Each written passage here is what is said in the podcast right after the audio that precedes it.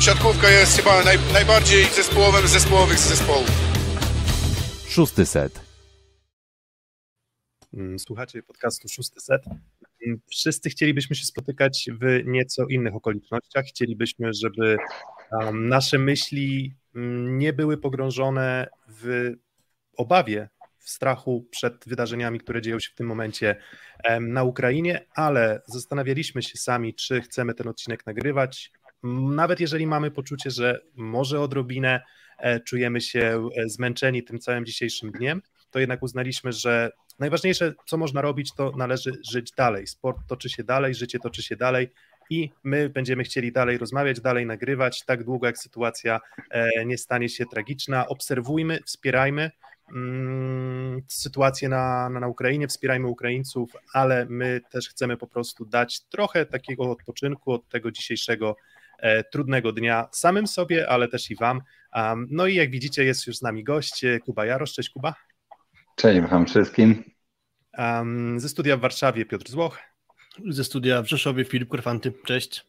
Um, właśnie Kuba, zaprzątały twoje myśli dzisiaj te wydarzenia z naszej, za naszej wschodniej granicy? Czy, czy, czy trochę cię to przytłaczało, czy, czy nie? Tak, tak. E, szczerze mówiąc, e, czuję się mocno wyczerpany tym dniem, no bo od rana wszystkie te informacje, które do nas spływają, nie najlepsze, fatalne informacje, są, są trudne do ogarnięcia dla nas, gdzie, gdzie dzieje się to wszystko tak blisko, blisko nas, e, dotyczy nas to na razie pośrednio, ale jednak nie wiadomo. Każdy, każdy ma w sobie duże obawy i, i no tak, tak jak powiedziałeś wcześniej, no, trzeba, trzeba być myślami z Ukrainą i, i wspierać ich jak tylko można.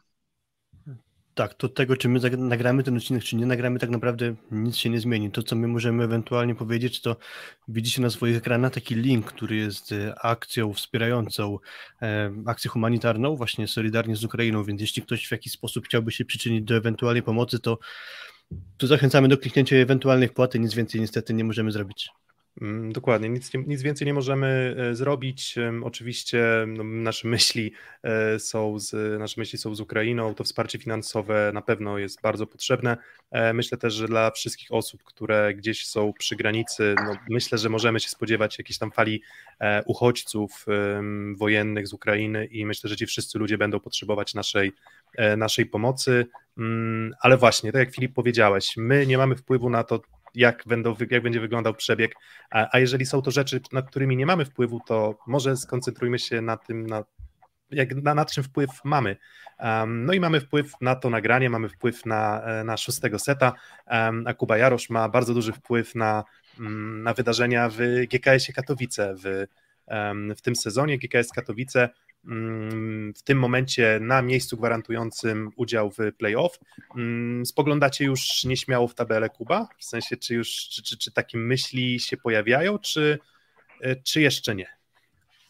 Tak, myślę, że, że już od e, dłuższego czasu, gdzie poczuliśmy się w miarę bezpiecznie, że nie musimy się spoglądać już na, tak mocno na te drużyny, które są zagrożone spadkiem, to zaczęliśmy patrzeć w górę i, i postawiliśmy sobie jako taki cel dla nas cel marzenie, bo, bo przed sezonem nikt na nas e, nie stawiał, że będziemy grali w playoffach. I dla nas e, to właśnie w tym momencie jest motywacją, jest to celem, żeby, żeby do tej ósemki się załapać. Oczywiście e, tak jak mówię, już od paru kolejek patrzymy się na tabelę, ale jeszcze mamy świadomość, że, że jest jeszcze sześć spotkań do rozegrania, to jest 18 punktów, to to jest jeszcze tego naprawdę dużo i tutaj krok po kroku będziemy próbowali się zbliżać do tego, do tego wyniku y, upragnionego. No właśnie, kolejny, można powiedzieć, sezon z rzędu, jakby trochę przekraczacie oczekiwania wielu osób, bo tak jak trochę na tym takim e, zapowiadającym mm, plakacie napisaliśmy, że jak GKS Katowice kolejny raz gra nam na nosie. Czyli trochę wracając do historii, odchodzi załóżmy, że to jest początek historii. Jest Piotrek Gruszka jako trener GKS Katowice, on odchodzi do Aseko Resowi Rzeszów, wraz z nim wielu zawodników, jest duże przetasowanie składu. E, pojawiasz się ty w GKS Katowice i mimo tego, że tych zmian było ogrom, to wy się sportowo obroniliście, znów jakby e, graliście przekraczając oczekiwania wielu osób. E, w takim w miarę równym składzie wytrwaliście dwa sezony, po czym przyszła kolejna rewolucja kadrowa znowu tak, i, i wtedy, na, na, nosie. Dokładnie. I mówię, i to było tak, że po pierwszym sezonie mówicie, nie, no to się nie może udać. Potem drugi sezon, nie, no został ten skład, no to na pewno tam będzie, będzie co najmniej ok, tak? I teraz mówię, nie, no po tej przebudowie to już na pewno nie, a wy jednak potraficie. No i właśnie, jaka, jaka jest tajemnica tego? Dokładnie, tak, tak e, było. Po pierwszym sezonie, moim sezonie, który był udany, dla naszej drużyny odszedł jeden z liderów e, Szymura i, i tutaj już wszyscy mówili, bez Szymury nie ma szans, GKS nie będzie istniał. E, znowu obroniliśmy się, zmienił się trener, e, Grzegorz Słaby został pierwszym trenerem, pokazał, że potrafi, pokazał, że można postawić na, na kogoś miejscowego, na kogoś, kto jest związany z klubem. I, I zawodnicy, którzy wszyscy tutaj przyszli, również udowodnili, że mogą coś więcej niż być tylko rezerwowymi, bo, bo to jest y, troszeczkę taka polityka tego klubu. No, szukamy zawodników dobrych, e, którzy, którzy gdzieś tam w swoich zespołach nie mieli tych pierwszoplanowych rol, e, ale potencjał mają do tego, żeby grać. I tu się okazuje, że jest wielu takich zawodników, którzy u nas mają kolejną trampolinę, bo grają u nas, a, a wybijają się i, i dostają propozycje w innych klubach z czego również korzystają. E, w tym sezonie znowu było duże przetasowanie, ponieważ odeszli e, dwójka podstawowych przyjmujących, odeszła e, Miłosz z Niszczą, no, no wielu podstawowych zawodników z zeszłego sezonu nas opuściło, co jest, co jest normalne w sporcie. Mhm. I, I tutaj przed tym sezonem, no ja sam pamiętam, jak wiele osób mówiło, że, że GKS będzie no raczej do spadku, pretendentem jednym z głównych do spadku. Także mm, my wtedy skromnie i cicho trenowaliśmy i specjalnie nawet pamiętam rozmowy między nami tutaj chłopakami, że, że nie ma co do tego przywiązywać y, uwagi i też nie ma co z takimi mm, ocenami, z takimi wywiadami jakoś mocno walczyć, powiedzieć, że my jesteśmy warci więcej. My musimy to udowodnić na boisku i Sezon oczywiście jeszcze się nie skończył, ale już pokazaliśmy, że, że spadek to, to nie jest nasze przeznaczenie w tym sezonie. Mm, to ja wiesz, ja jestem jedną z tych osób, które gdzieś tam typowały was do, do walki o spadek, jak to chyba Franciszek Smuda swego czasu, tak. e, swego czasu e, powiedział, więc tutaj z tego miejsca, jakby, mówię, ja się lubię mylić, tak, znaczy nie, no inaczej, nie, inaczej, nie lubię się mylić, ale bardzo lubię sytuacje, w których, nie wiem, kogoś nie doceniłem, a potem ta drużyna mi gra na nosie, tak? Więc tutaj z tego miejsca mm, ogromny, ogromny szacunek. A, mm, właśnie, ty jesteś tym takim spoiwem tych GK, GKS-u wersji 1.0 i teraz można powiedzieć GKS-u wersji 2.0. E, czy w momencie, gdy spora część nowych zawodników albo wróciła do Katowic, albo się pojawiła, czy ty wziąłeś na, sobie, na, na siebie rolę e, takiego, nie wiem, mentora, osoby, która E, no, zadba o to, żeby ci wszyscy zawodnicy w tę układankę się wpasowali prawidłowo. Ja dostałem e, duże zaufanie od y, trenera Daszkiewicza i również od trenera Słabego teraz, żeby być kapitanem tego zespołu. Czuję też y, duże wsparcie ze strony klubu i ja z tej roli cały czas próbuję się wywiązywać jak najlepiej. Y, tutaj nie ma jakiejś, nie wiem, tajemnicy, którą ja przekazuję zawodnikom, tylko no ja, ja staram się jako kapitan e, być dla wszystkich zawodników, e, starać się gdzieś tam jakąś radą czasami posłużyć, ale również e, dać pełną swobodę każdemu z graczy, bo, bo oni sami najlepiej wiedzą, jak grać, jak się rozwijać i, i tutaj ten klub daje do tego duże możliwości. Myślę, że każdy, kto grał w GKS-ie w ostatnich latach i kto gra teraz, myślę, że może być wdzięczny temu klubowi bo on do tego daje świetne warunki. Także ja jako kapitan mówię, y, stoję murem za, za klubem i za zawodnikami, bo, bo tutaj z mojej strony y, naprawdę jest to klub dobrze zorganizowany i, i warto w nim grać po prostu. Mm.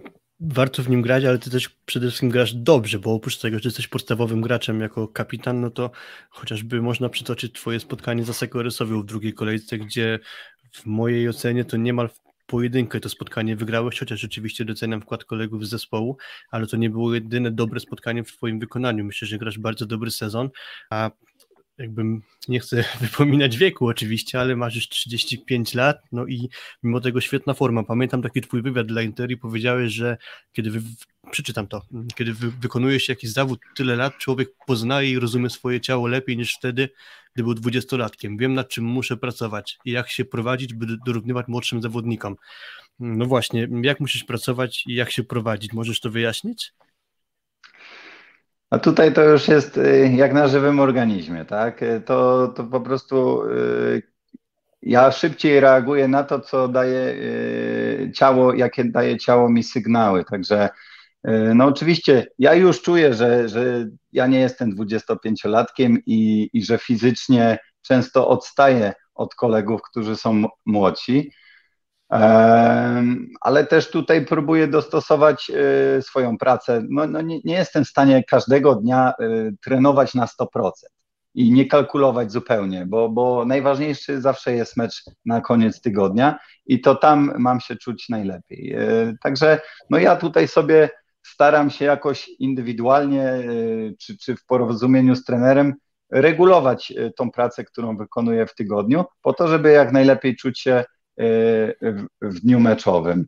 Oczywiście to też nie jest łatwe, bo, bo w tym roku i w zeszłym no, no mamy sytuację też związaną z, z, tymi wszystkimi wykluczeniami przez choroby, przez, przez kwarantanny i sam w tym roku też miałem, czułem, że, że, że dotknął mnie pewien dołek fizyczny przez to, że, że znowu ta, ta choroba dopadła mnie i, i niektórych moich kolegów. Mm, także to na pewno przeszkadza troszeczkę, ale i tak uważam, że, że faktycznie jest dość stabilnie w tym sezonie i, i całkiem przyzwoicie. Także no, y, cieszę się, że cały czas mogę prezentować się i, i dość dobrze, chociaż mówię, no, no młodzi mocno depczą po piętach i, i to jest naturalne. No, no, dlatego to też mnie mobilizuje, żeby, mhm. żeby z siebie wyzwolić jakieś do, dodatkowe pokłady energii. Mm, to tak kontynuuj, to, sorry Filip, się wetnę, że kontynuując ten, e, ten, ten temat, jakby rozwijając ten temat, e, czy ty masz takie poczucie, że twoja charakterystyka jako atakujący, czyli zawodnik e, precyzyjny, nie powiedziałbym, że zawodnik, który, nie wiem, zawsze ostentacyjnie próbował wbić gwoździe, tylko raczej bazowałeś na precyzji, przynajmniej tak ciebie kojarzyłem przez twoją karierę. Masz poczucie, że to teraz ci faktycznie pomaga, gdy nogi już nie niosą tak, jak niosły kiedyś? No tak, no na pewno, na pewno daje to pewne e, większe możliwości i, i więcej form skończenia piłki. Oczywiście fizyka na tej pozycji jest również bardzo ważna, więc samą techniką i samymi stryknięciami tutaj na pozycji atakującego to niestety już się nie da, więc dopóki jeszcze ta fizyka jest na dobrym poziomie, to można grać na pozycji atakującego ale przychodzi taki moment, jak pamiętamy Jochen Schopp, z którym byłem wspólnie w drużynie, no to kiedy już miał mocniejsze problemy z, z barkiem, e, no to niestety, no mimo, że miał technikę wspaniałą i, i, nigdy nie widziałem wcześniej chyba takiego zawodnika, który każdy centymetr wolny boiska potrafił wykorzystać, no to jak nie miał już też tego uderzenia w zapasie, to po prostu też przestał być skuteczny. Także to musi być kombinacja, ale no na pewno przydaje się też czasem użycie e, takiego bardziej technicznego zagrania.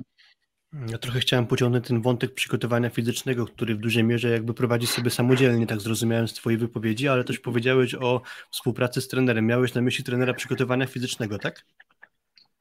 No, ja nie powiedziałem, że prowadzę przygotowanie nie, fizyczne. Nie, to trochę jakby, mnie tego, nie, nie dosłownie to przytoczyłem. Częściej może po prostu mogę skończyć odrobinkę, chwilkę, e, odrobinę wcześniej trening, e, pozagrywam krócej. No, no tutaj to jest taka e, wspólna rozmowa z trenerem, pierwszym, czy z trenerem od przygotowania Piotrkiem Karlikiem, ale, ale tu jest cały czas dialog. To nie jest tak, że ja zupełnie sam sobie mogę powiedzieć, że słuchajcie, dzisiaj nie wpadnę na trening. Absolutnie nie.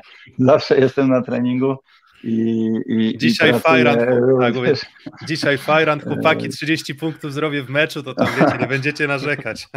No, jakbym obiecał, że tak jest, to myślę, że też nie miałby nikt problemu, ale niestety no, takiej gwarancji też nie mogę e, stworzyć i sam wiem, że trening no, no, jest, jest konieczny. Ja myślałem, że może to idzie w takim kierunku, że powiedzmy masz swoje pewne przyzwyczajenia co do treningu fizycznego, po czym robisz to, grasz tak jak grasz i jak powiedziałeś, jak trenujesz twojemu trenerowi przygotowania fizycznego, to on stwierdził, że nie, tak jak ty trenujesz, to nie masz prawa tak grać, że jesteś jakimś ewenementem fizycznym powiedzmy, ale nie. nie zda zdarzało się tak, że, że się śmialiśmy, że potrafiłem e, no, w poprzednich sezonach na przykład trzy tygodnie leczyć kontuzję i praktycznie nie trenowałem od poniedziałku do czwartku, a trenowałem w piątek, a w sobotę grałem mecz i to często dobrze. I się śmieliśmy, że, że w sumie po co są te treningi, prawda? E, no ale to na dłuższą metę też się później kończy i, i, i jednak no, tak się nie da. No, to, to trzeba jednak te, te dotknięcia ilości powtórzeń. Ja miałem na myśli wcześniej to, że, że po prostu nie każdy trening musi wyglądać tak, że się uderza na 100%. Można uderzać e, na 60%, ale starać się właśnie poćwiczyć inne rozwiązania. Nie zawsze wszystko na 100% siłowo, tak? ale, ale i skocznościowo, bo to też kolana i mhm. tutaj bark. Także trzeba oszczędzać czasami. Jasne. Um, to tak, um, przechodząc od tych indywidualnych występów, no bo jakby okay, trochę światła ukazałeś, um, to ja mam takie pytanie, bo tak zastanawiałem się, jakie pytanie można zadać i tak, czy tegoroczny GKS Katowice w Twojej ocenie jest silniejszą sportowo drużyną jako całość od zeszłorocznego GKS-u? W zeszłym sezonie dziewiąte miejsce na koniec sezonu, E, w tym sezonie mi osobiście wydaje się, że liga jest jednak mocniejsza niż rok temu, więc sugerowałoby to, że takie wyniki, jakie osiągacie, no, są, może sugerują, że jesteście nawet lepszą drużyną, ale ciekaw jestem e, Twojego zdania. Pewnie powiesz, że inną. Tak, tak. E, zeszłoroczna drużyna i, i tegoroczna ma naprawdę coś w sobie. To jest ciężko powiedzieć. Teraz to, to jest też troszeczkę inaczej, bo, bo zeszłoroczna drużyna miała już pewną podstawę, większą taką e, zbudowaną podstawę przez ten sezon wcześniejszy jeszcze za trenera Daszkiewicza. Tych zawodników więcej pozostało takich samych, a tutaj jednak ta rewolucja była naprawdę duża i widać, że e, my tak naprawdę dopiero w tej drugiej rundzie wykreowaliśmy jakiś swój styl gry, jakąś swoją powtarzalność, którą mam nadzieję będziemy kontynuować do końca tej drugiej rundy zasadniczej. Także myślę, że z taką oceną bym jeszcze musiał poczekać do końca sezonu. Mamy naprawdę potencjał, żeby być lepszym zespołem niż ten z poprzedniego roku, e, który też miał e, dosyć mocne zawahania w zeszłym roku. Przyszedł taki moment, że coś się wydarzyło, że przestało gra nam grać tak, tak kolokwialnie no to właśnie mówiąc. tak na mniej więcej w okolicach stycznia, tak? Dokładnie. Seria, dokładnie. seria trudnych były, spotkań. Tam były różne, dokładnie, seria, bardzo długa ta seria była z, z drużynami y, takiej z pierwszej piątki i my tam nie mogliśmy seta wygrać. I to trochę w nas zostało, ale to nie był jedyny powód, bo tam jeszcze się działy y, no, no, no dużo tych transferów do innych klubów, to, to wszystko nam trochę nie pomagało, y, a myślę, że nawet przeszkadzało, więc w tym roku ja nie, nie, nie słyszę tego szumu takiego transferowego i jestem trochę od tego odcięty, także myślę, że no myślę, że teraz w tym roku profesjonalnie do tego się podeszło. Klub też e, postąpił trochę inaczej w, w sprawach takich, nie wiem, czy to jest może ciszej załatwiane, czy, czy, czy jak, ale w tym roku jest lepiej pod tym względem, że, że nie ma tego zamieszania takiego zeszłorocznego i mamy spokój w głowach, gramy cały czas o swój cel, który, który jeszcze jest przed nami. Mhm. Teraz macie świetną serię, czyli takich no, zadowalających wyników na pewno, ale pamiętam początek sezonu, czyli świetnie zaczęliście, bo dwie kolejki to były najpierw ograne Trevor Gdańsk, a później Sekoresowia, po czym chyba z dziesięciu meczów wygraliście bodajże dwa. Jakiś dołek wam się przytrafił, czy jakby można było to mm, wyjaśnić? No jest bardzo, bardzo prosta, tak, e, bardzo prosta diagnoza. No tutaj COVID nas e, wyłączył z gry. E, potem bez treningu pojechaliśmy na mecz do. Najpierw byliśmy w, Lu, w Lublinie, gdzie Majka ma, czuł się fatalnie, no ale, ale próbował grać.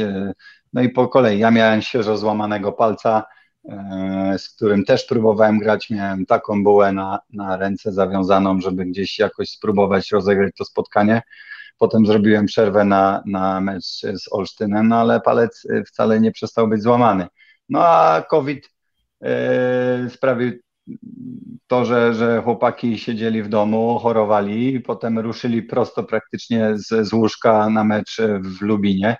No i tam też się nie udało wygrać, także to pozostawiło w nas ślad na, na, na tak naprawdę najważniejsze mecze wtedy w tamtej rundzie, no bo, bo zaczęliśmy dobrze i mogliśmy to kontynuować, ale, ale przyszła taka przeszkoda, którą pokonaliśmy w dłuższej perspektywie, bo, bo udało się jakby cały czas mieć wiarę w to, że, że to, co zrobiliśmy na początku sezonu, to nie jest przypadek i że trzeba po prostu tylko do tego wrócić, zbudować z powrotem odrobinę e, naszą pewność siebie, fizykę i trochę potrenować i będzie znowu dobrze i my w to wierzyliśmy. Mm, gdzieś w okresie tych perpetii covidowych jeszcze ta mm, trudna sytuacja Toma Russo. E, czy ty rozmawiałeś jakoś czy, czy z Tomem, żeby nie wiem, zbudować jego pewność po, po, no, po sytuacji no, bardzo nieprzyjemnej, która no, może zachwiać jednak taką, nie wiem, pewnością osobistą, nawet tak patrząc, nawet wizualnie obserwując siebie, gdzieś tam te podkrążone sińce pod oczami, to wszystko na pewno, to wszystko wyglądało e, źle, tak, i zastanawiam się, jaka jest tajemnica tego, że Toma Rousseau teraz gra fantastycznie, tak, myślę, że można jasno go wskazać jako jeden z no, jaśniejszych punktów na pozycji przyjmującego pewnie ostatnich, nie wiem, no, 8-10 kolejek. No na pewno nie była to łatwa sytuacja i dla Tomasa i, i dla, dla klubu, dla całej drużyny. Na szczęście sprawa się w jakimś tam stopniu wyjaśniła i, i, i Tomas wrócił w końcu do zespołu zdrowy. No i, i zrobił tak naprawdę to, co od niego wszyscy oczekiwali i na co wszyscy liczyli, bo, bo był tutaj sprowadzany do nas jako, jako element bardzo ważny tego zespołu i, i także cieszymy się wszyscy, że, że jest w formie. Myślę, że on też się cieszy, że, że może po prostu y, dać z siebie, z siebie to, co oczekiwał przychodząc tutaj do tego klubu. No i miejmy nadzieję, że, że dalej będzie w tak dobrej formie. Mhm. Pojawiło się pytanie na czacie, więc też je zadamy. Dawid Pipczyński pyta Kuba, nawiązując do Twojej wypowiedzi o wczesnych transferach, czy informacja mm, o tym, że kolega z zespołu podpisał kontrakt z innym zespołem na następny sezon wpływa negatywnie na resztę zespołu? Jakbyś mógł ten wątek rozwinąć? E, jak już podpisał, jakby taka informacja wypływa, to nie do końca. To nie jest tak, że to wpływa źle na zespół, ale sama sytuacja to, że zawodnicy czasem długo są w zawieszeniu, dostają propozycje od menadżerów e, na, na słuchaj, jest oferta taka i taka, no i będziemy negocjować. I, i to czasami trwa, trwa za długo, bo, bo jest zawodnik, który, po którym to spłynie i, i on nie wpłynie to w żaden sposób na, na, na niego, ale są zawodnicy tacy, którzy zaczynają się tym stresować, tak? Y, nie wiedzą, gdzie będą grali w przyszłym roku, nie wiedzą, czy najbliższy mecz nie wpłynie na to, czy ta oferta zostanie utrzymana. I, i to, na, to tak naprawdę y, rozgrywa się wszystko w głowie. Najlepiej jest, jeżeli faktycznie już jest taka propozycja, żeby jak najszybciej to zamknąć i albo w jedną stronę, albo w drugą. Czy jest oferta, podpisujemy, albo nie podpisujemy. To, że kolega odchodzi na przyszły rok, bo podpisał kontrakt, Myślę, że w żadnym stopniu nie wpływa. No, no, jest informacja i tyle, ale cały czas gramy razem i on nie przestanie jakby e, starać się dla tego klubu. Uważam, że tutaj mm, to jest pełen profesjonalizm. Żaden z zawodników nagle by nie, nagle by nie przestał się starać po to tylko dlatego, że ma już nowego pracodawcę na przyszły rok. Także... Hmm. A ty pamiętasz, kiedy najwcześniej podpisałeś kontrakt z inną drużyną w trakcie sezonu? Najwcześniej wydaje mi się, że może to był styczeń, e, mhm. luty. No, no, no, e, często no, w ostatnich latach tak się, e, nie wiem, pięciu, sześciu latach tak się zaczęło, że ten rynek transferowy ruszał jeszcze przed finałem Pucharu Polski. Kiedyś to było tak, że Puchar Polski to był taki wyznacznik, wszyscy się spotykali prezesi i zaczynali pierwsze rozmowy, takie dyskusje.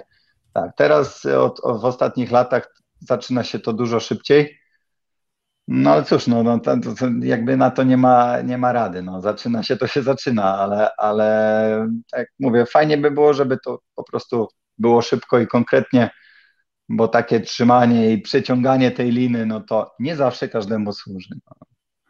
Nie wiem, czy to było szybko, ale konkretnie na pewno, bo Majka ma już oficjalnie zostaje w GKS Katowice na następne rozgrywki. I też trochę o niego chciałem zapytać, bo przedtem e, wymieniałeś zawodników, którzy opuścili GKS przed tym sezonem, to między innymi był Janek Firley, to jest moim zdaniem istotna bardzo zmiana w waszym zespole. Jak byś porównał tych rozgrywających, czyli Amerykanina właśnie z Jankiem Firleyem? Myślę, że, że są to zawodnicy na, na podobnym poziomie, z inną charakterystyką. Yy bo tutaj e, są to zawodnicy troszeczkę różni. Janek uwielbiał grać e, bardzo dużo środkiem i pipem. E, Majka ma trochę więcej gra skrzydłami, mm, ale, ale są to obaj zawodnicy kompletni, no, mają do, dobrą zagrywkę. Ciężko mi to porównać. No, dla mnie najlepszy jest Majka Ma, bo teraz jest w moim zespole, także jest numerem jeden. Mm, jego aklimatyzacja przebiegła w Polsce poprawnie, bo to zawsze jest taka trochę zagadka, jak obcokrajowcy będą sobie radzić w Plus Lidze. Szczególnie z korzeniami z Hawajów na przykład, tak, gdzie czasem zwykła pogo pogoda czasem wystarczy, że jest inna i i tak można, przez Francję można... przybył akurat do Polski, tak, tak, ale to... Tak, no ale Francja też myślę, że jednak kilka stopni cieplejsza, chociaż nie pamiętam, w którym mieście francuskim grał akurat.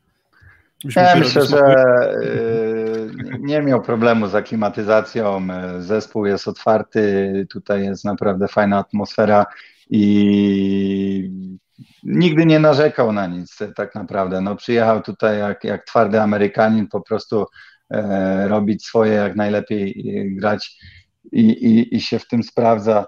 Tak samo zimno. No jest taki czasem troszkę zaspany, bo on to lubi się wyspać w ciepełku, więc czasem sobie koc nawet założy na głowę, jak gdzieś wychodzimy na stację benzynową e, w podróży, ale, ale nie, w porządku chłopak. Taki jego urok. Mm, myślisz, myślisz, że to są papiery na, na taką bardzo dobrą karierę? Mm, bo to też jest tak, że no to jest zawodnik młody ciągle, tak? Mm, jego drugi sezon zdaje się gry w Europie. Mm, bo to też jest tak, że oni tam trochę dłużej zostają na, w tych rozgrywkach uniwersyteckich, no ale cały czas powiedzmy z punktu widzenia europejskiej siatkówki jeszcze można powiedzieć niedoświadczony, teraz y, przedłuża w GKS Katowice, no to właśnie ja lubię zadać pytanie, jaki jest według Ciebie sufit e, Mikey ma, w sensie czy, czy, czy na poziomie, nie wiem, gry w reprezentacji Stanów regularnej? Ja nie lubię, y, nie odważyłbym się nigdy powiedzieć, że jakiś zawodnik ma gdziekolwiek sufit. E, wielokrotnie gdzieś tam w takich swoich własnych ocenach kogokolwiek, nie wiem, zawodnika młodego, juniora, y, powiedziałbym, a on tak sobie pomyślałbym, że on nie da rady wejść na taki poziom, bo, bo jest na przykład za niski albo, albo za nisko skacze. E, ilekrotnie już się przekonałem, że, że potem się okazuje, że to może być, jest mistrzem świata e, w seniorskiej siatkówce. Także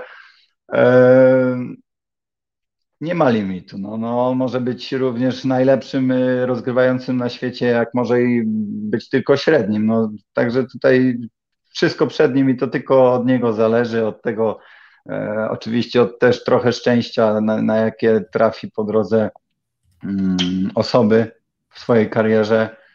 A także absolutnie nie, nie, jestem w stanie powiedzieć, że ktoś ma limit. No, nikt nie ma limitu. Nie wiem, czy to już jest moment na ten wątek akurat, ale też chcieliśmy to poruszyć, a pojawiło się takie pytanie na czacie, to trochę może odnośnie tego jakby wyznaczania mm, sufitu. Kuba, czy wiedza, że twoje mecze komentuje twój tata ma wpływ albo miało wpływ na ciebie w przeszłości?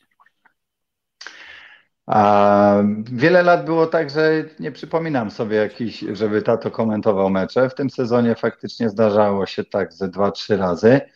Aczkolwiek, e, no nie, nie ma to jakiegoś e, trochę tak po ludzku wiem, że może być to trudne dla mojego taty, tak? Bo, bo oceniać własnego syna na pewno nie jest to łatwa, e, łatwa praca i łatwa sprawa. E, bo wiadomo, że dla swojego syna każdy by chciał jak najlepiej i ciężko mm. powiedzieć coś złego. E, no ale, ale taką ma pracę. Ja mam taką, że jestem na mhm. boisku, a tata musi o tym opowiedzieć. No i no, chciałbym zawsze w takich meczach zagrać jak najlepiej, żeby nie musiał mówić źle, no, ale, ale nie zawsze się udaje. Mm, właśnie, i teraz, y, dobra, chyba wiem, jakie pytanie chcesz zadać, a więc możesz je zadać, bo nie wiem, czy do tego samego zmierzamy, ale czy podejrzewam, Pytanie że... poprzedzające, czy kiedykolwiek słyszałeś y, komentarz twojego taty odnośnie twojego meczu, czyli jakby z odtworzenia potem to oglądałeś, czy nie? Nie, nie, nie. Nie, bo nie, kolejny... nie. Nie oglądałem nigdy faktycznie. Oglądałem inne mecze z, z komentarzem taty, ale, ale meczu, który sam grałem. Rzadko oglądam własne mecze tak, tak z komentarzem. Raczej jeżeli o jakąś analizę potrzebuję, no to proszę statystyka e, Damiana w naszym zespole, żeby, żeby mi taki materiał przesłał, bo to jest łatwiej zobaczyć, można sobie szybko taką akcję e, jedną po kolei przejrzeć. Chętnie bym wrócił do jakichś starych meczów, takich z reprezentacji konkretnych. Nie wiem, mam takie dwa, trzy w karierze, które chętnie bym miał, chciał mieć e, gdzieś na wideo, ale, ale akurat takiego komentarza, z, tak, z komentarza z meczu mojego nie to. Okej, okay, bo kolejne moje pytanie miało być takie już pół żartem, czy kiedykolwiek po swoim serwisie usłyszałeś, że to nie jest zagrywka? Prawdopodobnie wykonywałem przebicia na drugą stronę, które nie są zagrywką. E, no, no, prosta zagrywka, no, no to no nie jest trudna zagrywka. Mhm. Właśnie, trochę właśnie twój tata słynie jakby z tego powiedzenia, jakby to Słyszałem. jest odnośnie tego stwierdzenia, że to nie oczami i w uszach e, twojego tatę i też było takie pytanie, czy masz już e, koszulkę z napisem to nie jest zagrywka, bo twój tata z tego co wiedziałem taką dostał już. Tak? Nie, to ja nie mam jeszcze. Raz Słyszałem, że podobno są, ale nie, nie, nie widziałem jeszcze realnie takiej koszulki. Limitowana edycja widocznie była.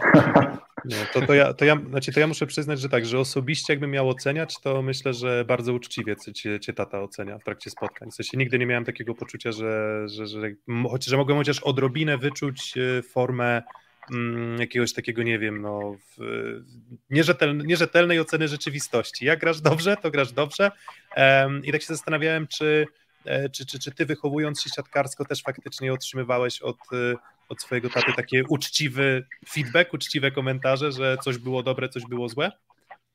Tak, tak. E, no na pewno jeszcze jak to, to tato ma to doświadczenie trenerskie, zawodnicze ogromne też, więc bywało tak, tato raczej zawsze starał się mnie wspierać bardziej niż, niż radzić po trenersku, ale bywało tak, że, że mówił, słuchaj, weź, zwróć na to uwagę, że na przykład mógłbyś więcej używać tego kierunku, albo no to były takie najpierw porozmawianie luźno po meczu, że nie przejmuj się, ale zwróć na to uwagę, może to ci pomoże. No to taka po prostu rada z jego strony i bardzo często e, korzystałem z tych rad, bo, bo, bo, bo były gdzieś tam, człowiek jak patrzy z boku, no, no więcej w stanie jest zobaczyć, tak jak mówię, do, do dziś, e, kiedy robię coś na boisku, czasami człowiek może nie widzieć tego z boku, a gdzieś się zapętli, zaczyna podchodzić za bardzo pod piłkę i wystarczy jedna rada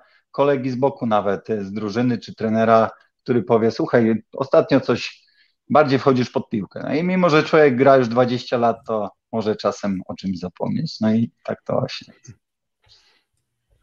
Okay. E, wspomniałeś przy tym o tych meczach, które byś być, być może chętnie obejrzał, na trochę takich starszych. Możesz je wymienić, które to były mecze? No to są takie mecze, gdzie y, albo y, no jeden, który na pewno przychodzi mi do głowy, to jest taki mecz, do którego mam duży sentyment, to jest zwycięstwo o brązowy medal z Rosją y, we Wiedniu. A jeden mecz, który graliśmy, to był taki chyba jeden z najlepszych moich indywidualnych występów. Y, jak grałem z Latiną w playoffach, wygraliśmy z Sisleyem y, Belluno, to chyba się nazywało, albo Treviso.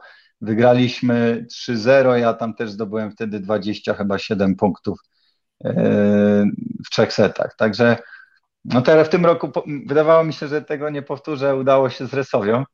E, ale to, to są takie, takie mecze tak udane, no to są tak naprawdę no, na, na palcach jednej ręki, bo to się rzadko zdarza, żeby w trzech setach tyle punktów zdobyć. Mhm. Łukasz Batigol, mm, komentarz, nie zapomnę nigdy jak Kuba pozamiatał w Iranie. E, jeszcze już mówiąc, nie wiem o czym mowa, więc Kuba, jeśli pamiętasz, to możesz wspomnieć to spotkanie. Tak, no to było, to było też tak, fajne przeżycie dla mnie, bo, bo to był bardzo trudny moment. Jeździłem wtedy na, e, podczas Ligi Światowej cały czas e, jako rezerwowy. Bartek Kurek wtedy występował pierwszy sezon na ataku. Ja miałem być takim kołem zapasowym, gdyby, gdyby mu nie szło, bo, bo on dopiero jakby na tej pozycji zaczynał. Cały czas mu szło świetnie, aż kontuzjował, złapał kontuzję i, i miał problemy dosyć mocne z plecami. I ja wtedy przymusowo musiałem zagrać w Iranie, gdzie na tamtej hali oni w ostatnich tam kilku lat z rzędu no, u siebie nie przegrali generalnie z nikim. I no, olbrzymie zrobiło na mnie wrażenie wtedy ta ilość kibiców i ten, ten, ten niesamowity huk, pisk taki na meczu, czego jeszcze nie doświadczyłem nigdy, nigdy w żadnej innej hali. E, do tego stopnia to było takie, tak, takie głośne, że po pierwszym meczu, tam graliśmy tak dziwnie, bo graliśmy jeden mecz, dzień przerwy i potem kolejny.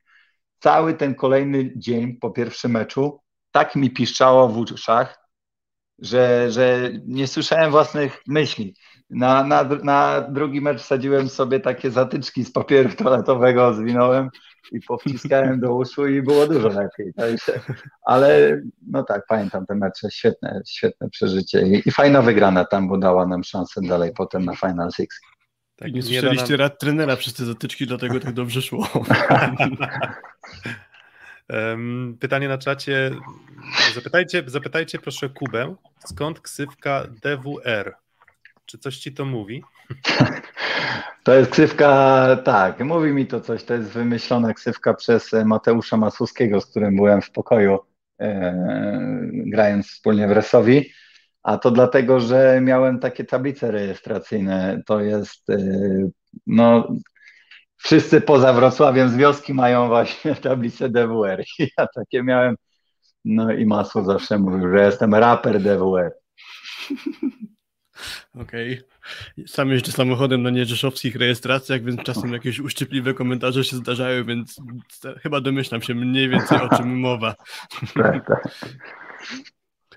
E, trochę w temacie reprezentacji też padło pytanie od Kuby Lewandowskiego, którego dzisiaj akurat z nami na żywo nie ma, ale widzę, że jest obecny na czacie o vlogi Krzysztofa Ignaczaka, bo ty trochę czasu w reprezentacji spędziłeś i właśnie pewnie trochę może wyolbrzymiam, ale wszechobecny igła z kamerą. Czy jakiś wpływ na wasze zachowanie, funkcjonowanie w kadrze miało to, że e, trzeba uważać, bo być może tam igła coś na kamerze złapie za chwilę? Nie wiem, nie przypominam sobie, żeby to było jakieś uciążliwe. Faktycznie igła chodził, kręcił wtedy to igłę, igłą szyte. E, no ale jak podchodził, no zawsze chciał, żeby ktoś coś powiedział w miarę śmiesznego, żeby to było oglądane przez ludzi. E, ale nie, to nie było uciążliwe, raczej, raczej z humorem wtedy wszyscy do tego podchodzili. Mm, jak nakręcił kogoś na lotnisku śpiącego na ławce, no w sumie żaden wstyd, no każdy ma prawo być zmęczony po takich podróżach i, i raczej tam nie, no, nie miał nikt z tym problemu. Hmm. Wiesz co, to właśnie kontynuując jeszcze ten temat y, kadry, to mm, twoje największe sukcesy w kadrze przypadły na no dość młody twój wiek, jeszcze czysto siatkarsko, tak? 20, byłeś 22-latkiem, 24-latkiem, 25-6-latkiem, mniej więcej. Mm, gdzieś tam od tego momentu, gdy w 2014 roku Mistrzostwo Świata, w 2018 roku Mistrzostwo Świata, wypadłeś z obszaru zainteresowania e, selekcjonerów reprezentacji. Czy odczuwasz tutaj niedosyt, albo czy, czy, czy, czy, czy są jakieś konkretne przyczyny, dla których, nie wiem, może ten wyjazd do Włoch sprawił, że odrobinę zniknąłeś z radaru? Nie, to, to nie zbiegło się z wyjazdem do Włoch, to się zbiegło z powrotem do Polski tak naprawdę y, i z y, bardzo kiepskim sezonem y, dla mnie i dla całej drużyny w Treflu Gdańsk. To był sezon bardzo niefortunny, niefortunny w wiele zdarzeń pozaboiskowych i, i to był naprawdę taki, taki trudny sezon do przeżycia. No ale zrozumiałe było to, że po, po, po tych występach yy, po prostu nie, nie byłem w kręgu zainteresowań. Rok później, po dobrym sezonie w Bydgoszczy, znów wróciłem do tego kręgu zainteresowań yy, wtedy trenera Antigi, ale nie mam absolutnie żalu jakby do, do tego, jak to się potoczyło, bo czu, odczuwam też yy, wielką wdzięczność i, i szczęście, że w ogóle miałem możliwość odegrać taką rolę w reprezentacji i, i w sumie przez tyle lat, bo to jest naprawdę y, tak złożona sytuacja, żeby zawodnik miał taką możliwość. Oprócz tego, że musi być dość dobry, to jeszcze musi naprawdę mieć szczęście. Ja miałem to szczęście yy, postępując wbrew wielu radom e, fachowców, którzy mówili, żeby nie iść do Bełchatowa, bo, bo tam zawodnik będzie siedział na ławce. I my z Bartkiem Kurkiem poszliśmy wtedy grać w Bełchatów. Przepraszam, że się śmieję, tak. bo zobaczyłem komentarz jeden, ale do tego wrócimy. Okej. Okay. E, po, poszliśmy grać do Skrybełchatów, gdzie byliśmy rezerwowymi, ale również dzięki trenerowi Castellaniemu graliśmy dość dużo. I tak naprawdę w trakcie tego sezonu on został pierwszym trenerem reprezentacji. Prze gdyby nie ten transfer, nie wiadomo, czy bym trafił do reprezentacji i nie wiadomo, czy przez kolejne 6 lat bym w niej był, czy tam 7. A także zbieg pewnych zdarzeń sprawił, że ja mam tego świadomość, że mógł zostać wybrany ktoś inny i to on, a ja nigdy bym do tej reprezentacji nie trafił, a, a byłby to jakiś inny zawodnik. Także nie mam absolutnie żalu do nikogo, raczej się cieszę, że z tego, co było mi dane. Tak, to wiesz co, to ja zawsze ten, zawsze podaję tutaj przykład, nie wiem, na przykład y, czołowych golkiperów reprezentacji Niemiec w piłce nożnej. No jest Manuel Neuer, gra wszystko od deski do deski, a jest przecież co najmniej dwóch, trzech graczy, jak na przykład Ter Stegen w Barcelonie grających, którzy po prostu szansy nie otrzymają. Zresztą podobnie z Robertem Lewandowskim. Czasem dużo zależy od tego, czy konkurencja o miejsce w składzie, w reprezentacji jest y, duża, tak? Czy akurat tak się złoży, że masz tych kandydatów na przykład bardzo mocnych, to podobnie, nie wiem, w Rosji Michajłow, tak? Michajłow zabetonował w zasadzie pozycję atakującego w Rosji był tam, nie wiem, Pawłow, jest Poletajew, jest kilku innych, którzy mogliby grać, no ale i, I, nikt nie powie, że to byli źli zawodnicy, dlatego że nie zagrali w kadrze, ale po prostu byli odrobinę słabsi od tych najlepszych, tak? Więc, e, więc ja też tak na to, e, tak na to spoglądam, więc e, mm, no mówię, twoja kariera z sukcesami i w 2012 wygraliście Ligę Światową, e, pojechaliście do Londynu i w Londynie nie wyszło. Jest podnoszona taka teza, że szczyt formy był przygotowywany na Ligę Światową, albo że inaczej, że trochę za wcześnie wystrzeliliście z optymalną formą i nie udało się przenieść tego na e, Londyn. Miałeś takie poczucie? No już chyba wielokrotnie tam wielu zawodników się wypowiadało na ten temat, na temat yy, Igrzysk w Londynie. No, każdy z nas na pewno odczuwał wielki żal i wolałby zamienić y, ten medal y, z Ligi Światowej oczywiście na jakikolwiek medal Igrzysk. Ale, ale stało się tak, że no, przez wygraną w Lidze Światowej byliśmy gdzieś postrzegani trochę bardziej jako faworyci do medali. Pojechaliśmy y, do Londynu dosyć wcześnie. Byliśmy tam długo na, na, na przed rozpoczęciem turnieju. I mam wrażenie, że, że trochę za długo. No, nie, nie było to miejsce, gdzie trzeba się jakoś mocno aklimatyzować. W końcu to był tylko Londyn, a my tam e, długo trenowaliśmy. Mieliśmy mega niefortunne zdarzenie z Australią po drodze, które też ma swoje wytłumaczenia. My tam bardzo się spóźniliśmy na ten mecz, rozgrzewaliśmy się w mega popłochu, tak naprawdę wbiegliśmy jak już tam na jednym ze skrzydł na ataku byli, byli Australijczycy. I to też nie jest tak łatwo wtedy o 10 rano nagle to wszystko przygotować się i wejść w ten mecz, tym bardziej, że przeciwnik grał bardzo dobrze, więc no tak się złożyło, no. Niestety, no mówię, formy jako Czyli... takiej nie, forma nie była zła, bo okay. wygraliśmy na początku z Włochami i, i to, to nie tak, że my byliśmy bez formy, no ale coś się złożyło na to, że tam nie wyszło. Czyli nie klątwa, nie miałeś poczucia, że ktoś tam cię, wiesz, jak laleczkę wudu próbował, nie wiem, gdzieś igiełkami e, szpilić, żebyś e, grał gorzej. Bo to nie, też jest nie. taka teza o klątwie, tak? W ćwierć klątwie, ćwierćfinału, klątwie igrzysk. Klątwa, no tak się mówi, ale to, to wtedy nie było jeszcze tych ćwierćfinałów aż tyle przegranych. E, myślę, że, że teraz po tylu igrzyskach już kolejnych, no to faktycznie no, ten ćwierćfinał ciąży coraz bardziej i coraz trudniej jakby przez niego przebrnąć, e, mimo że drużyna jest e, wspaniała i za każdym razem stawiana w ostatnich latach w roli faworyta numer jeden, bo potencjał zawodniczy w Polsce jest ogromny. Mhm. E, zanim przejdziemy też do tego potencjału zawodniczego, bo będziemy chcieli Cię zapytać jeszcze o limit obcokrajowców, to jakby przerywnik trochę chyba tak mi się wydaje humorystyczny, bo zaśmiałem się przed tym, jak to przeczytałem, musi być chyba coś ciekawego. E, Kuba, serdeczne pozdrowienia ze stacji benzynowej na trasie Rzeszów-Wrocław. PS, instrybutor już naprawiony. o kurde. Dy, to, aha, instrybutor to się nazywa, czy dystrybutor? E, no miałem przygodę strasznie niefortunną. Typowy akt taki, no jakbyście oglądali filmik na YouTubie i się śmiali przykładowej blondynki, tak, że e, miałem takie e, wydarzenie, jechałem samochodem z Rzeszowa i późno bardzo po jakimś meczu i zmęczony dojechałem na stację. Akurat był ten moment taki między północą, kiedy, kiedy mają podliczenia i wtedy nikogo na tej stacji nie było. No, podjechałem, wysiadłem z samochodu, wsadziłem ten y, pistolet do nalewania do samochodu, no i nic nie leci. No więc zacząłem krążyć, zaglądać na stację benzynową, czekałem, no miałem świadomość, co się dzieje, więc czekałem dosyć długo, z 10-15 minut, ale tam nadal nikogo nie było. No i stwierdziłem, że coś jest nie tak. No i w końcu zobaczyłem, że wychodzi gdzieś za zakrętu jedna osoba, która obsługuje stację benzynową i się zapytałem, jak długo to jeszcze potrwa. Ona powiedziała, że z 15-20 minut. No to ja mówię, kurczę, gdzie jest najbliższa stacja? No tak, z 20 kilometrów. Wiedziałem, że mi samochód pokazywał około 80, więc na luzie dojadę.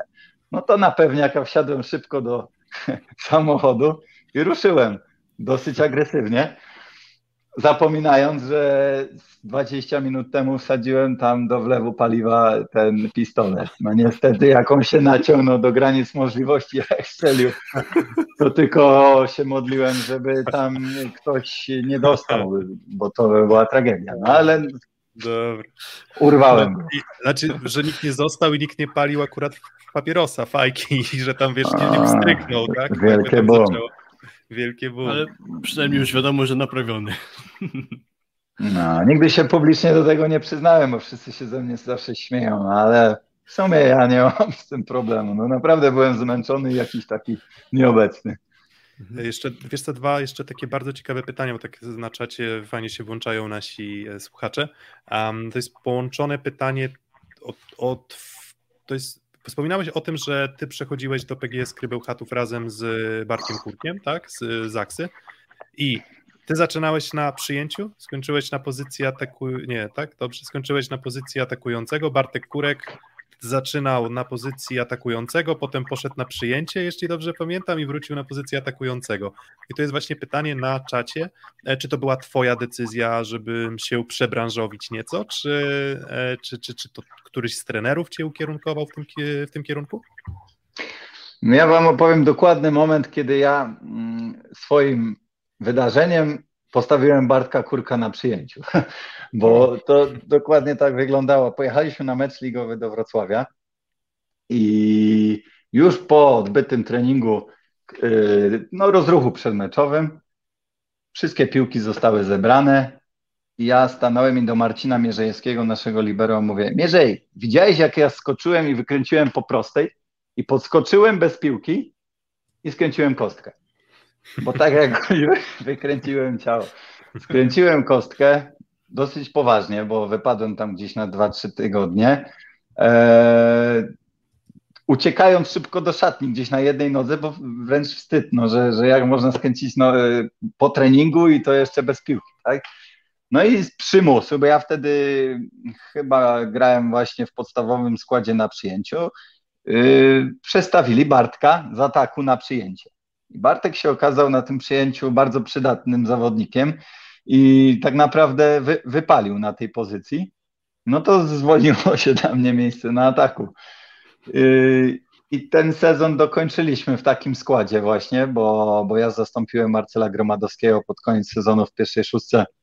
Graliśmy takie wspaniałe mecze z Jastrzębskim Węglem wtedy o wejście do czwórki to takie słynne mecze, gdzie, gdzie potem e, Grzegorz Szymański koszulką rzucał do kibiców. No, Mieliśmy fa- fajne skandalach w historii Plus Ligi, wspominaliśmy o tym. No, fajne czasy, fajne takie emocjonujące mecze z takimi hukiem na hali kibiców. Dobrze to wspominam. No i tak naprawdę ja potem jeszcze następny sezon próbowałem znowu na przyjęciu, ale kiedy przyszła propozycja ze Skrybełchatów, tam jasno zostało postawione e, ultimatum, że albo, decydu, albo próbuję gdzieś jeszcze grać na przyjęciu, ale to w innym klubie, albo już konkretnie przechodzę na pozycję atakującego i przychodzę do Skry. Mm, a ty tak osobiście, mm, w sensie widział, widział, w sensie z perspektywy czasu widziałbyś siebie potencjalnie na przyjęciu? Dałbyś radę jeszcze wejść i w razie czego uzupełnić jakieś luki w składach, czy to już dawno i nieprawda?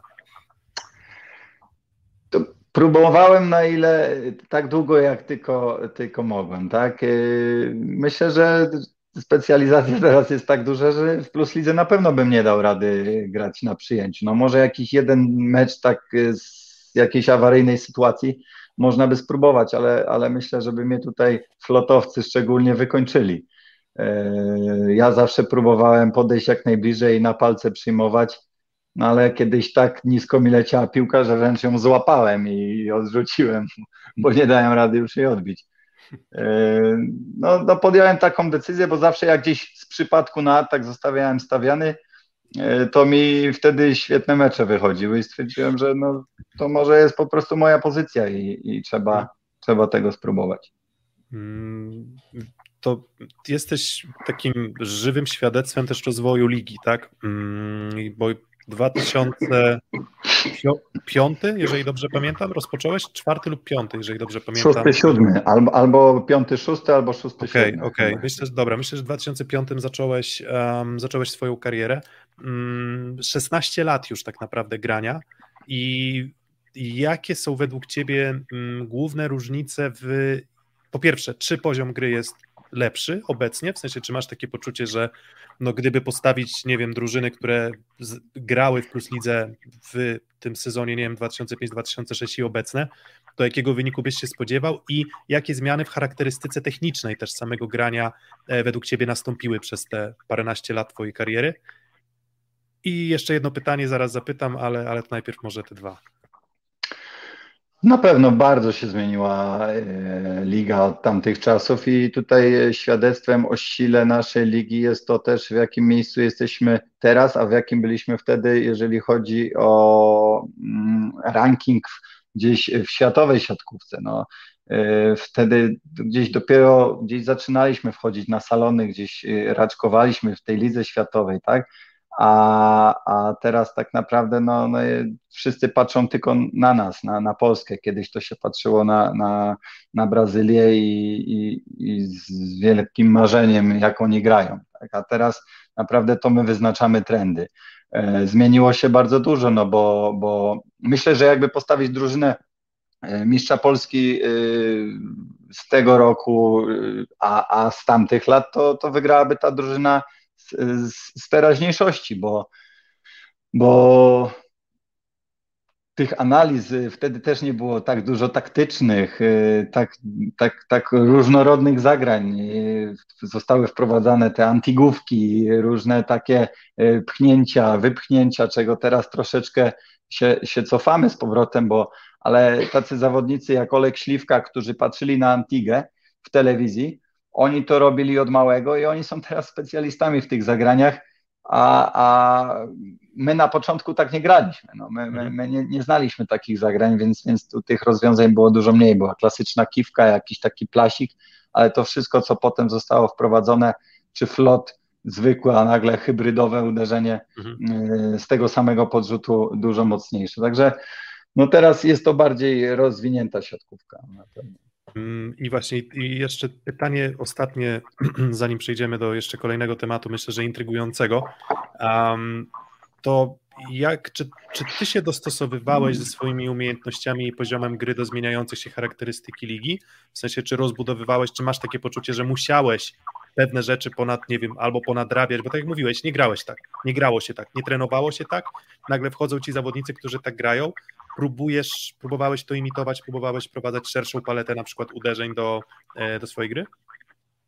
No tu cała zasługa trenerów, których e, spotykałem po drodze. No, e, tak naprawdę każdy z trenerów, których miałem po drodze, gdzieś wprowadzał jakieś drobne zmiany. No i szedł z duchem czasu y, siatkówki. No, no, pamiętam doskonale, jak, jak y, po, po siłowni na przykład z trenerem Heinenem w Bydgoszczy jeździliśmy na halę i każdy ćwiczył co innego. Każdy ćwiczył coś, czego mu brakuje aktualnie w jego repertuarze zagrań.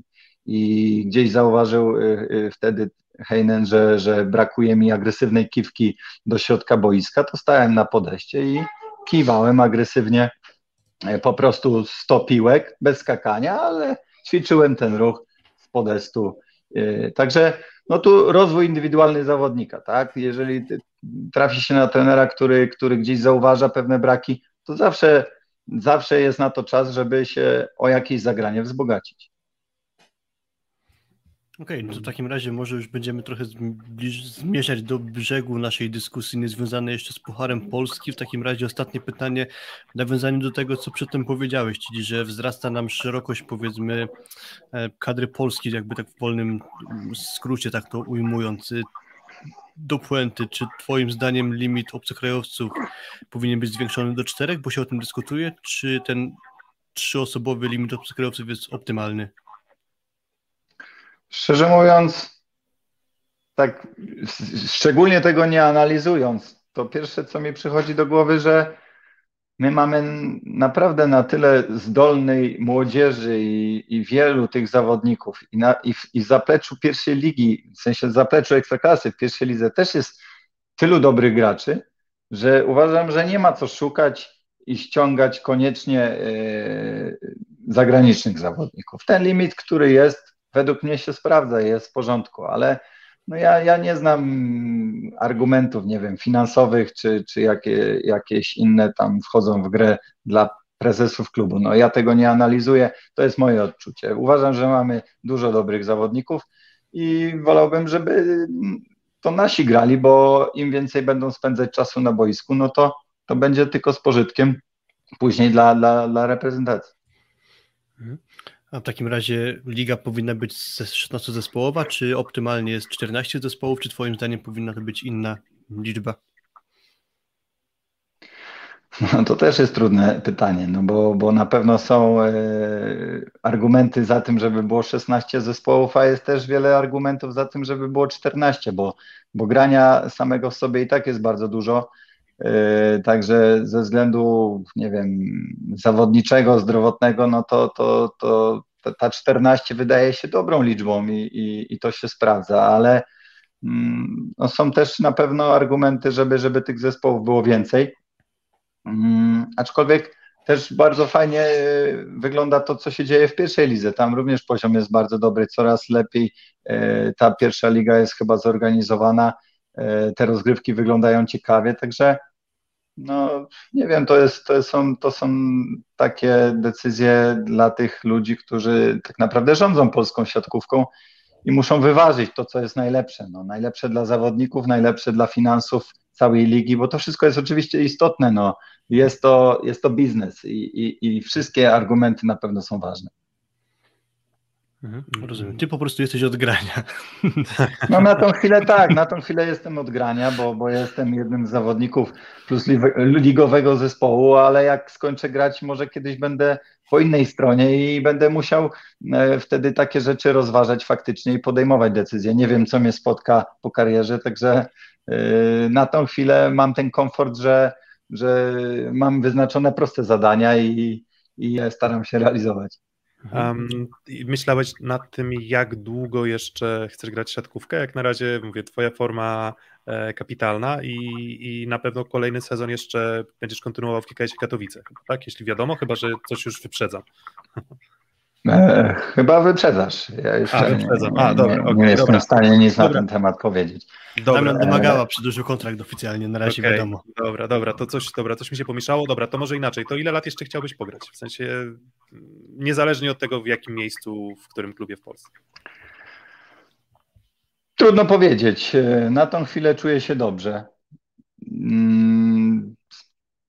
Spełniam się w tym, co robię i cały czas sprawia mi to radość. Także mm, nie, nie umiem powiedzieć. Może to być tak, że, że w przyszłym roku, jeżeli gdzieś będę grał, no to, to powiem, kurczę, może to już jest ostatni rok, może, może na tym poziomie plusligowym już starczy, bo, bo nie wiem, za często mnie coś boli. Na tą chwilę tego nie, nie umiem odpowiedzieć na to pytanie, ale marzy mi się, żeby po prostu nie wycisnąć siebie tak do granic możliwości, żeby, żeby zachować trochę zdrowia na, na jeszcze inne wiele rzeczy, które chciałbym robić, które są również przyjemne w życiu i chociażby, nie wiem, pojeździć na nartach, za którymi tęsknię i tak naprawdę nie byłem na nartach od kiedy zacząłem grać profesjonalnie w siatkówkę, a tych lat już trochę minęło. Także taki mam plan, no żeby, żeby to nie było tak, że już będę naprawdę zażynał się, na, mhm. ledwo będzie się na mnie dało patrzeć. No mam nadzieję, że jeszcze tak nie jest. A miałeś ten, a mia, miał, masz w kontrakcie, czy w ogóle to jest taka praktyka, żeby były zapisy o tym, że siatkarze nie mogą jeździć na nartach? E, tak, raczej, raczej to są e, standardowe zapisy w, we wszystkich kontraktach.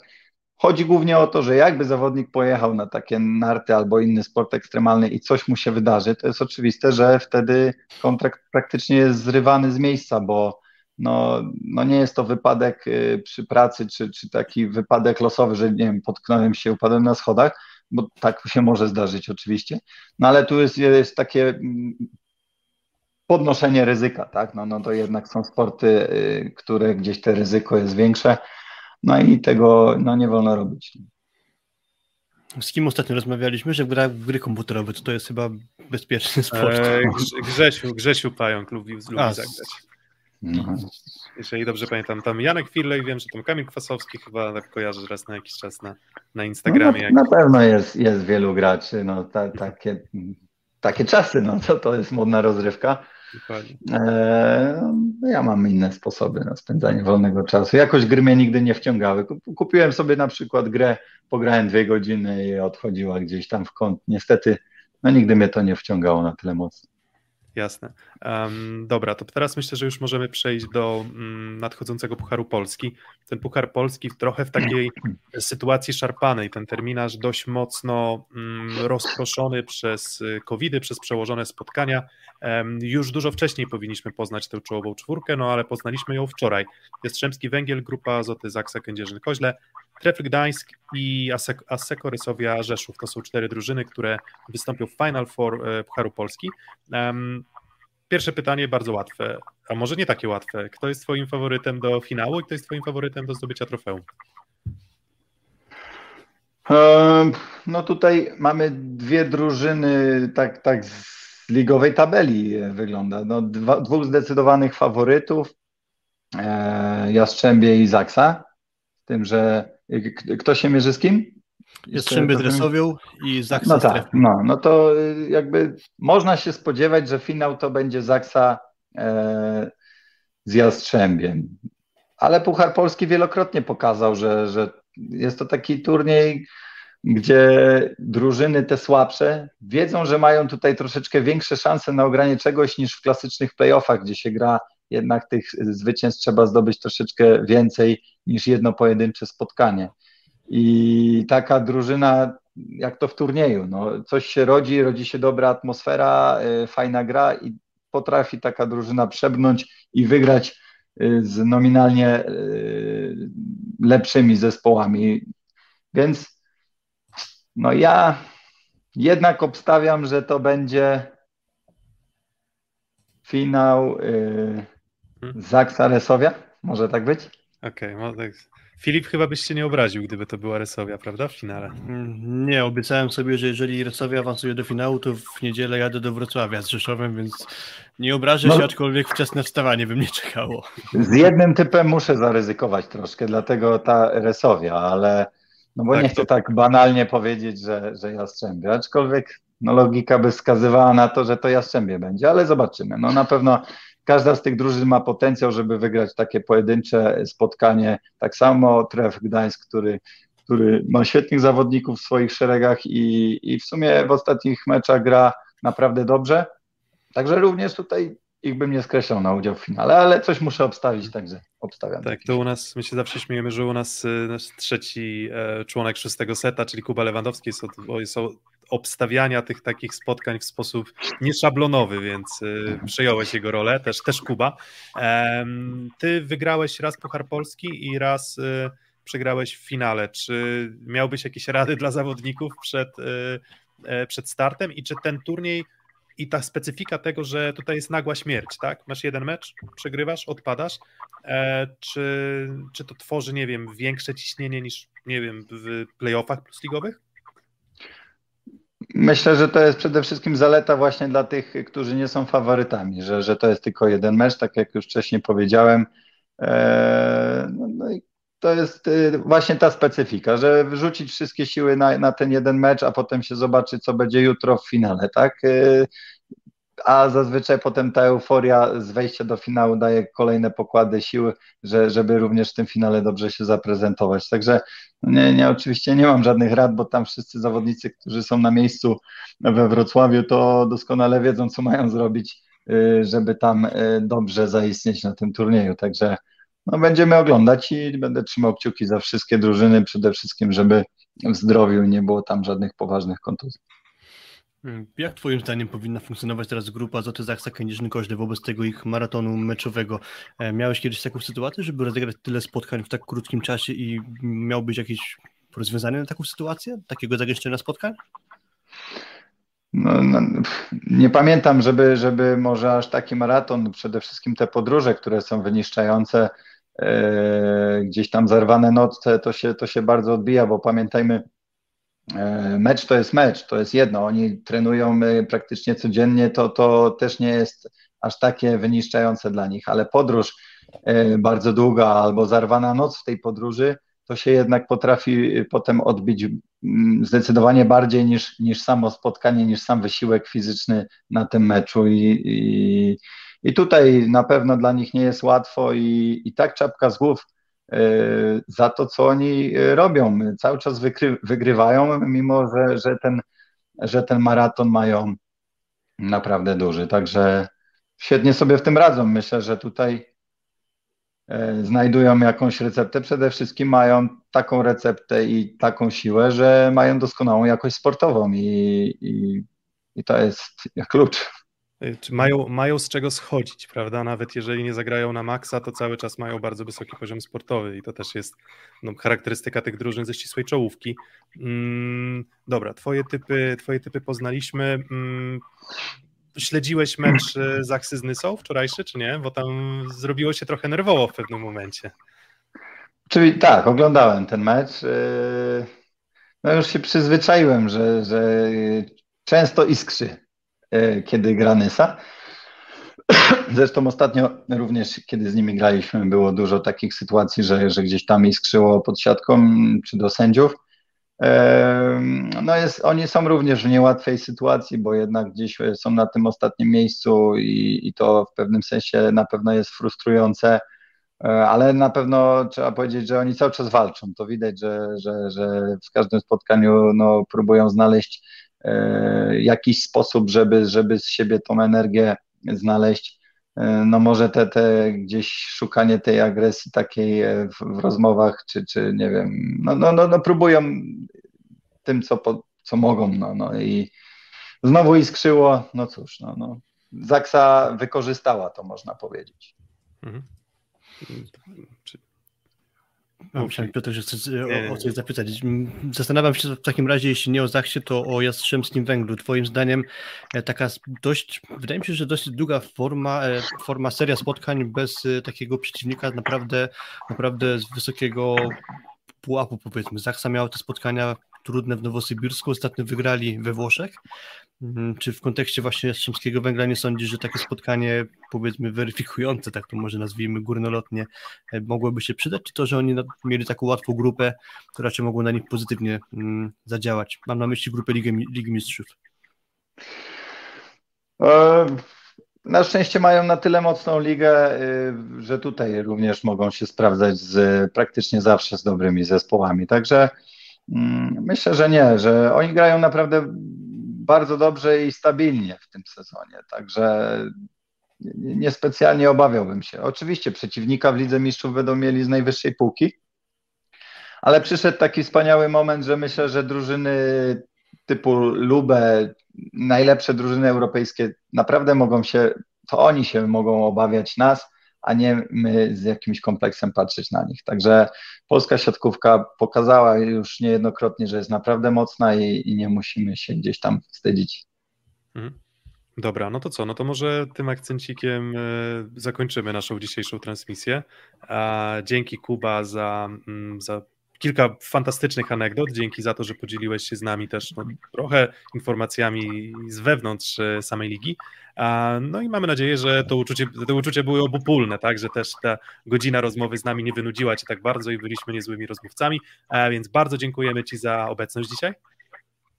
Dziękuję bardzo również Wam, było bardzo przyjemnie. I dziękujemy, tak, i dziękujemy również oczywiście wszystkim naszym słuchaczom. Nie wszystkich pytań udało nam się zadać, ale mm, może jeszcze kiedyś uda nam się z Kubą spotkać na dogrywce jakiejś.